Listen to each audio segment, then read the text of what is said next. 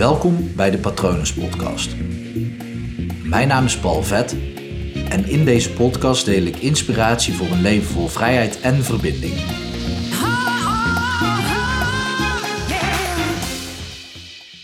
Een onverwerkte traumatische ervaring zorgt ervoor dat je blijft tijdreizen en dat je het dus zeer, zeer lastig vindt om in het hier en nu te leven. Dat heeft ermee te maken dat als je getriggerd wordt in dat stuk van jou waar die traumatische ervaring zich heeft vastgezet, dan schiet je naar de leeftijd waarop dat is ontstaan. En ja, ook de leeftijd, maar ook dat jaartal. En dat lijkt hetzelfde, maar vandaar dat het tijdreizen is. Want je kan ook in het hier en nu je vijfjarige jij ervaren. Maar op het moment als daar toen iets is gebeurd, dan schiet je ook gewoon echt terug naar dat moment. Ehm, ik ga beginnen met één traumatische ervaring en ik ga even kijken hoe ver ik kom tijdens deze aflevering om te zien of dat het ook nog waardevol voor jou op dit moment gaat zijn, hoe dat zit met meerdere traumatische ervaringen. Ligt er ook even aan hoe lang dat deze aflevering begint te worden. Maar laat ik eerst even vertellen, en wellicht heb ik dit eerder in de traumaverwerking podcast afleveringen ook gedaan. Uh, maar het is belangrijk om te blijven beseffen dat herinneringen waar zijn, niet waar en vaak gewoon een mengeling daarvan. Um, als je, nou ja, wat zou het zijn? Nu, nu je dit luistert. Nee, dat kan ik natuurlijk nooit zo zeggen. In 2001 is er iets heel heftigs gebeurd. Dus als je toen, ja, een jaar of 13, 14 was, dan, dan kan je dit snappen. En anders moet je een andere, andere gebeurtenis uh, erbij pakken. Goed, waar ik naartoe wil. In 2001 zijn er twee vliegtuigen in de Twin Towers in Amerika gevlogen. 9-11. 9-11 2001 is dat dan. Mocht jij dat niet weten, besef dan dat het een, een hele grote gebeurtenis was die in één keer plaatsvond. Dus we zitten momenteel in de corona-tijd, laat ik het zo zeggen. Maar ik noem het tijd omdat het een langdurig iets is en je waarschijnlijk niet heel erg bewust kunt herinneren wanneer zoiets is gebeurd. Maar pak een herinnering uit je verleden en je weet eigenlijk precies waar jij toen was. Als het een, een heftige herinnering is. Nou, zo ook bij 9-11 bijvoorbeeld. Bij 9-11 vlogen er dus twee vliegtuigen in twee hele hoge flatgebouwen in Amerika. En eigenlijk iedereen op de hele wereld weet nog precies waar ze op dat moment waren dat zij die beelden zagen. Dat ze door hadden van wow, dit is er aan de hand. En de kans is groot dat dat voor jou ook geldt. Anders moet je dit dus even toepassen op een andere heftige globale, dus iets wat op wereldniveau speelt. Eén gebeurtenis is iets heel groots. Dus het uh, instorten van een gebouw of echt een hele grote storm, een tsunami, een ontploffing. Dat soort heftige dingen. Dat je echt gewoon kunt herinneren, oké, daar was ik. En op het moment dat je dan beseft van oké, okay, uh, 9-11, ik weet nog precies waar ik was, hoe ik het zag, met wie ik was, waarop ik het zag, dan snap je dat dat voor de mensen, voor de brandweerlieden die dus die gebouwen inrenden, dus er waren brandweerlieden die renden de gebouwen in waar net een vliegtuig in was gevlogen, ja, die zullen dat zeer helder op hun netvlies hebben staan. Zij zullen zeer duidelijk weten, oké, dit is er gebeurd. Nu blijkt het zo te zijn dat een week later dat hen naar de feiten werd gevraagd en dat zij nog maar 60% van de feiten konden vertellen. 60% van wat zij vertelde was waar, 40% dus niet. Weer een week later vertelde zij nog maar 40% van de, de dingen die waar waren.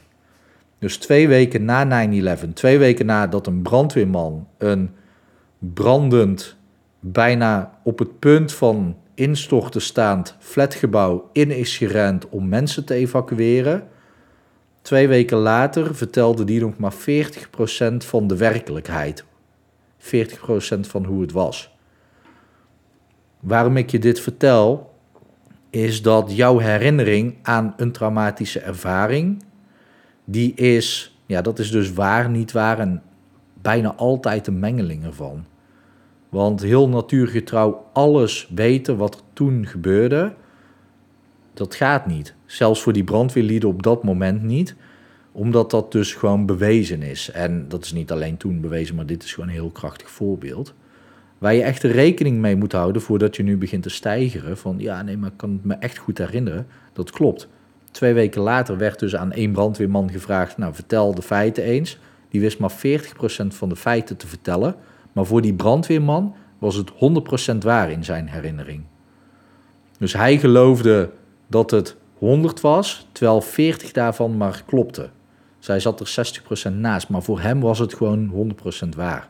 En zo gaat dat met jouw eigen herinnering ook. Als jij terugdenkt aan het verleden, dan eigenlijk elke herinnering is maar ja, waar, niet waar of een mengeling ervan. Het is gewoon heel belangrijk om je te beseffen, vooral als het om traumatische ervaringen gaat. Dit zeg ik dus niet om die traumatische ervaring te bagatelliseren, want de herinnering aan een trauma is veel minder relevant voor het oplossen ervan. Het daadwerkelijk herinneren, het natuurgetrouw herinneren hoe het was, dat, dat maakt niet uit. Het, het zijn de effecten, de gevolgen daarvan op jouw gevoel vaak. Dat zijn de, de belangrijkste dingen. Even disclaimer tussendoor. Ik ben de was aan het draaien en hij begint nu te centrifugeren. Dus het zou kunnen zijn, ja, het gaat ook door gewoon, jongens. Dat, uh, dat je daar iets van merkt. Excuses daarvoor. Als het goed is, is die zo klaar, want er zit niet heel veel in. Um, ik, ik weet trouwens te weinig van een wasmachine om zeker te weten dat dat aan het gewicht uh, ligt of aan, nou ja, Goed, maar herinneringen zijn waar, niet waar of een mengeling ervan. En dat is zeer belangrijk om jezelf te beseffen. En stel dan dat jij dus één traumatische ervaring hebt beleefd toen je, ik zei net, vijf jaar was. Laten we dat even als voorbeeld pakken. Dan, wat er dan gebeurt is, op dat moment, is dat jouw brein gaat dat meteen verwerken terwijl die herinnering net heeft plaatsgevonden. Op het moment als jouw brein dat niet aan kan, wat bij een, een traumatische ervaring en op het moment als je er nu nog last van hebt, dus het geval is, dan wordt er een heel klein deel van verwerkt en het andere deel wordt vastgezet. Dus wat er altijd gebeurt is, er zal altijd toch een, een, een klein deel, misschien zelfs een groter deel, wel worden verwerkt, maar het andere deel niet. Dus er vindt splitsing plaats. En dat is iets wat heel lastig is te begrijpen vaak, omdat je soms denkt aan uh, dat zal je misschien echt wel merken als je zelf een traumatische ervaring hebt beleefd. Dat je soms best wel oké ermee om kan gaan met de gevolgen daarvan. En soms ook totaal niet. Dat is vrij logisch, want een deel van jou zou dat wel hebben verwerkt en een ander deel niet. En die splitsing die zorgt ervoor dat een deel daarvan gaat wel opgroeien en het andere deel niet. Vandaar dat ik het dus had over tijdreizen op het moment als jij dus wordt getriggerd in je trauma, dan schiet jij terug, als dat bij jou op vijfjarige leeftijd is gebeurd, naar dat deel van jou wat nog vijf jaar is en nog niet de kans heeft gehad om op te groeien. Nog niet de kans heeft gehad om dat deel te verwerken. Nog niet de kans heeft gehad om vergeven te worden. Nog niet de kans heeft gehad om van gehouden te worden. Nog niet de kans heeft gehad om de competenties te zien die jij inmiddels al lang in je hebt, die je toen nodig had. Want toen had je iets nodig wat je daarna echt wel bent gaan ontwikkelen. Want op het moment dat je een traumatische ervaring beleeft, dan gaat er een mechanisme in je lijf aan en in je brein aan voor het geval dat het nog een keer gebeurt. En dan ga je iets ontwikkelen. Dan ga je een overlevingsstrategie ontwikkelen om daarvoor te zorgen. Echter, dat deel wat je daar hebt vastgezet, wat dus nog niet verwerkt is, dat heeft helemaal niet door dat je dat al kan.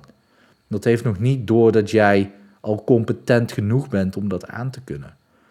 En op het moment dat je dit beseft, dan vallen vaak puzzelstukjes in elkaar. Want je, op het moment dat jij wordt getriggerd in je trauma, dan kan het zomaar zijn dat je opeens heel onzeker gaat doen, terwijl je de rest van je leven, in alle andere facetten van je leven, gewoon super zelfverzekerd bent. En dat matcht niet, want dan kan je zeggen, ja, maar ik ben zelfverzekerd. Alleen als dat gebeurt, dan even niet. Het is heel moeilijk om te begrijpen, maar als je er zo dus naar kijkt, dan is dat logisch, want dan is er dus een, een vijfjarig kinddeel, dus niet heel jouw vijfjarige, maar een kinddeel, een, een deel van jezelf, wat dan terugschiet naar die leeftijd.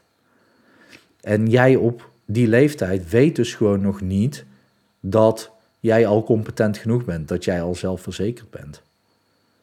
En dit is heel waardevol om te beseffen, want dat betekent dat je misschien soms wel eh, dualistische gedachten hebt. Dat je aan de ene kant denkt van, maar hoe kan het nou, want ik ben zelfverzekerd en soms doe ik het ook niet.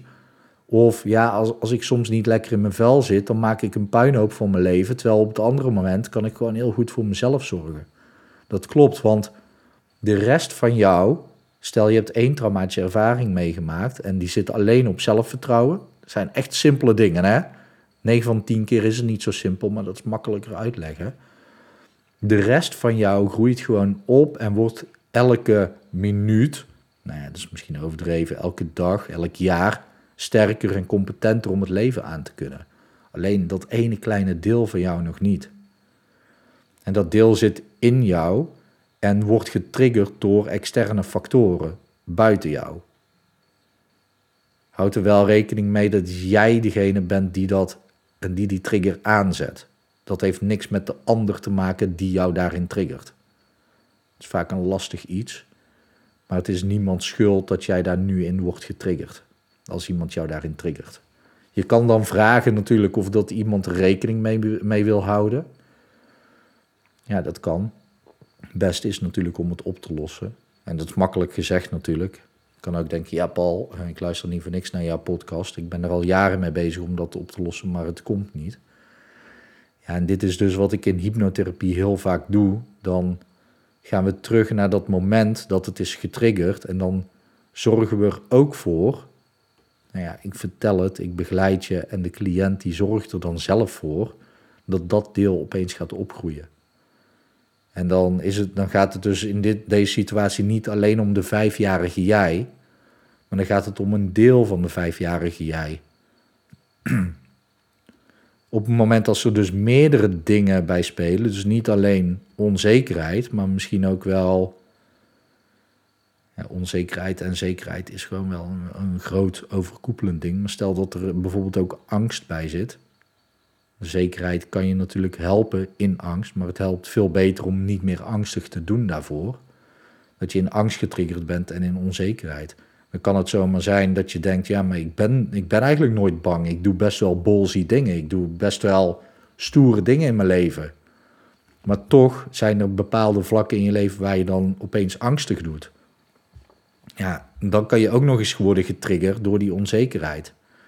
Of tenminste, je wordt getriggerd door iets wat je spannend vindt en dan kan je daar ook nog eens onzeker over gaan doen. Terwijl je daar nooit last van hebt. Maar juist omdat dat samenvalt in dat moment, wordt dat ook versterkt. Het kan er dan zelfs voor zorgen dat je dat opeens gaat zien van... hé, hey, ik ben eigenlijk gewoon wel een onzeker man en, en uh, angstig mens. Maar dat is dus niet waar een deel van jou, een kinddeel of een zelfdeel van jou, doet angstig en onzeker in een bepaalde getriggerde situatie. Op het moment als je dus in hypnotherapie of andere therapievormen kunnen dat ook, hè, EMDR werkt bijvoorbeeld ook zo. En er zullen vast wel meerdere therapievormen zijn die ook dit kunnen oplossen. Maar op het moment als jij dus ervoor zorgt dat de herinnering want daar werken we ook wel mee in hypnotherapie. Maar dan wel op basis van gevoel. En we gaan echt in hypnotherapie niet de hele tijd associëren met die herinnering. Daar gaan we heel snel doorheen om je daarna uh, juist te dissociëren en ervoor te zorgen dat je het minder heftig ervaart. In hypnose werkt dat dus ook op die manier. En op het moment als jij daar dan doorheen werkt, dan komt dat deel ook los en kan dat deel ook samen met de rest van jou opgroeien. Dat doen we dan ook in hypnose, want dan Ja, daar, daar schiet je dan wel terug naar die leeftijd, maar dan ga je samen met dat deel opgroeien, zodat je eigenlijk dat deel aan een handje meeneemt om te laten zien van kijk, na vijf jaar zijn we ook samen opgegroeid tot zes jaar. En zijn we ook samen opgegroeid tot zeven jaar en acht jaar. En alles wat dan veranderd is in dus die sessie op je vijfjarige, of op, je, op die leeftijd, jij als vijfjarige hebt dat dan opgelost, dat neem je dan mee naar, de zes, naar jouw zesde jaar en naar je zevende jaar. En ook naar je achtste, negende jaar en dan groei je verder en verder samen op, helemaal tot aan nu. En dan zal je opeens merken dat alle situaties die met die ene situatie te maken hadden, gewoon helemaal anders zijn geworden. Omdat je dus gewoon samen opgroeit. En dan snapt dat deel van jezelf dat je inmiddels gewoon zelfverzekerd bent en niet meer angstig doet. Dat is een deel van de traumaverwerking, want het andere deel dat speelt op gevoelsniveau. Daar ga ik nu niet te diep op in.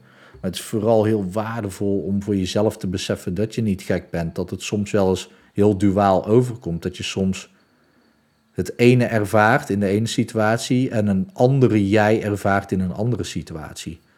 Dat kan gewoon echt met een traumatische ervaring in je verleden te maken hebben. En dat kan zijn gebeurd toen je vijf was, dat kan zijn gebeurd in de baarmoeder, kan zijn toen je nul was, acht was, maakt niet uit. Kan ook een jaar geleden zijn gebeurd.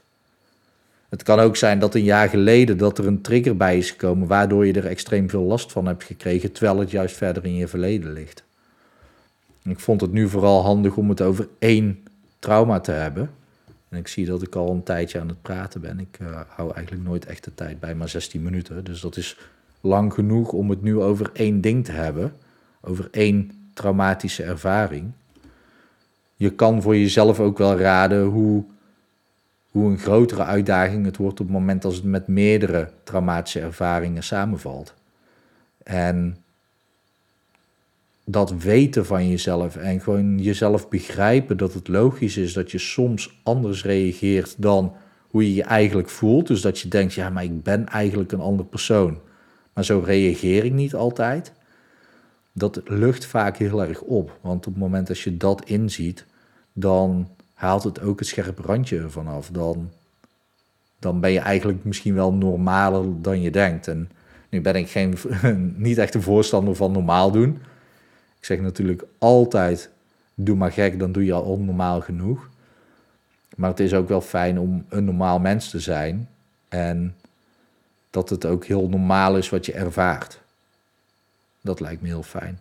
Mocht je hier vragen over hebben, wat ik me echt goed kan voorstellen, Laat het me vooral weten via patronen.palvet.com. Je kan natuurlijk ook gewoon op www.hypnopal.nl kijken om te zien wat ik voor je kan doen.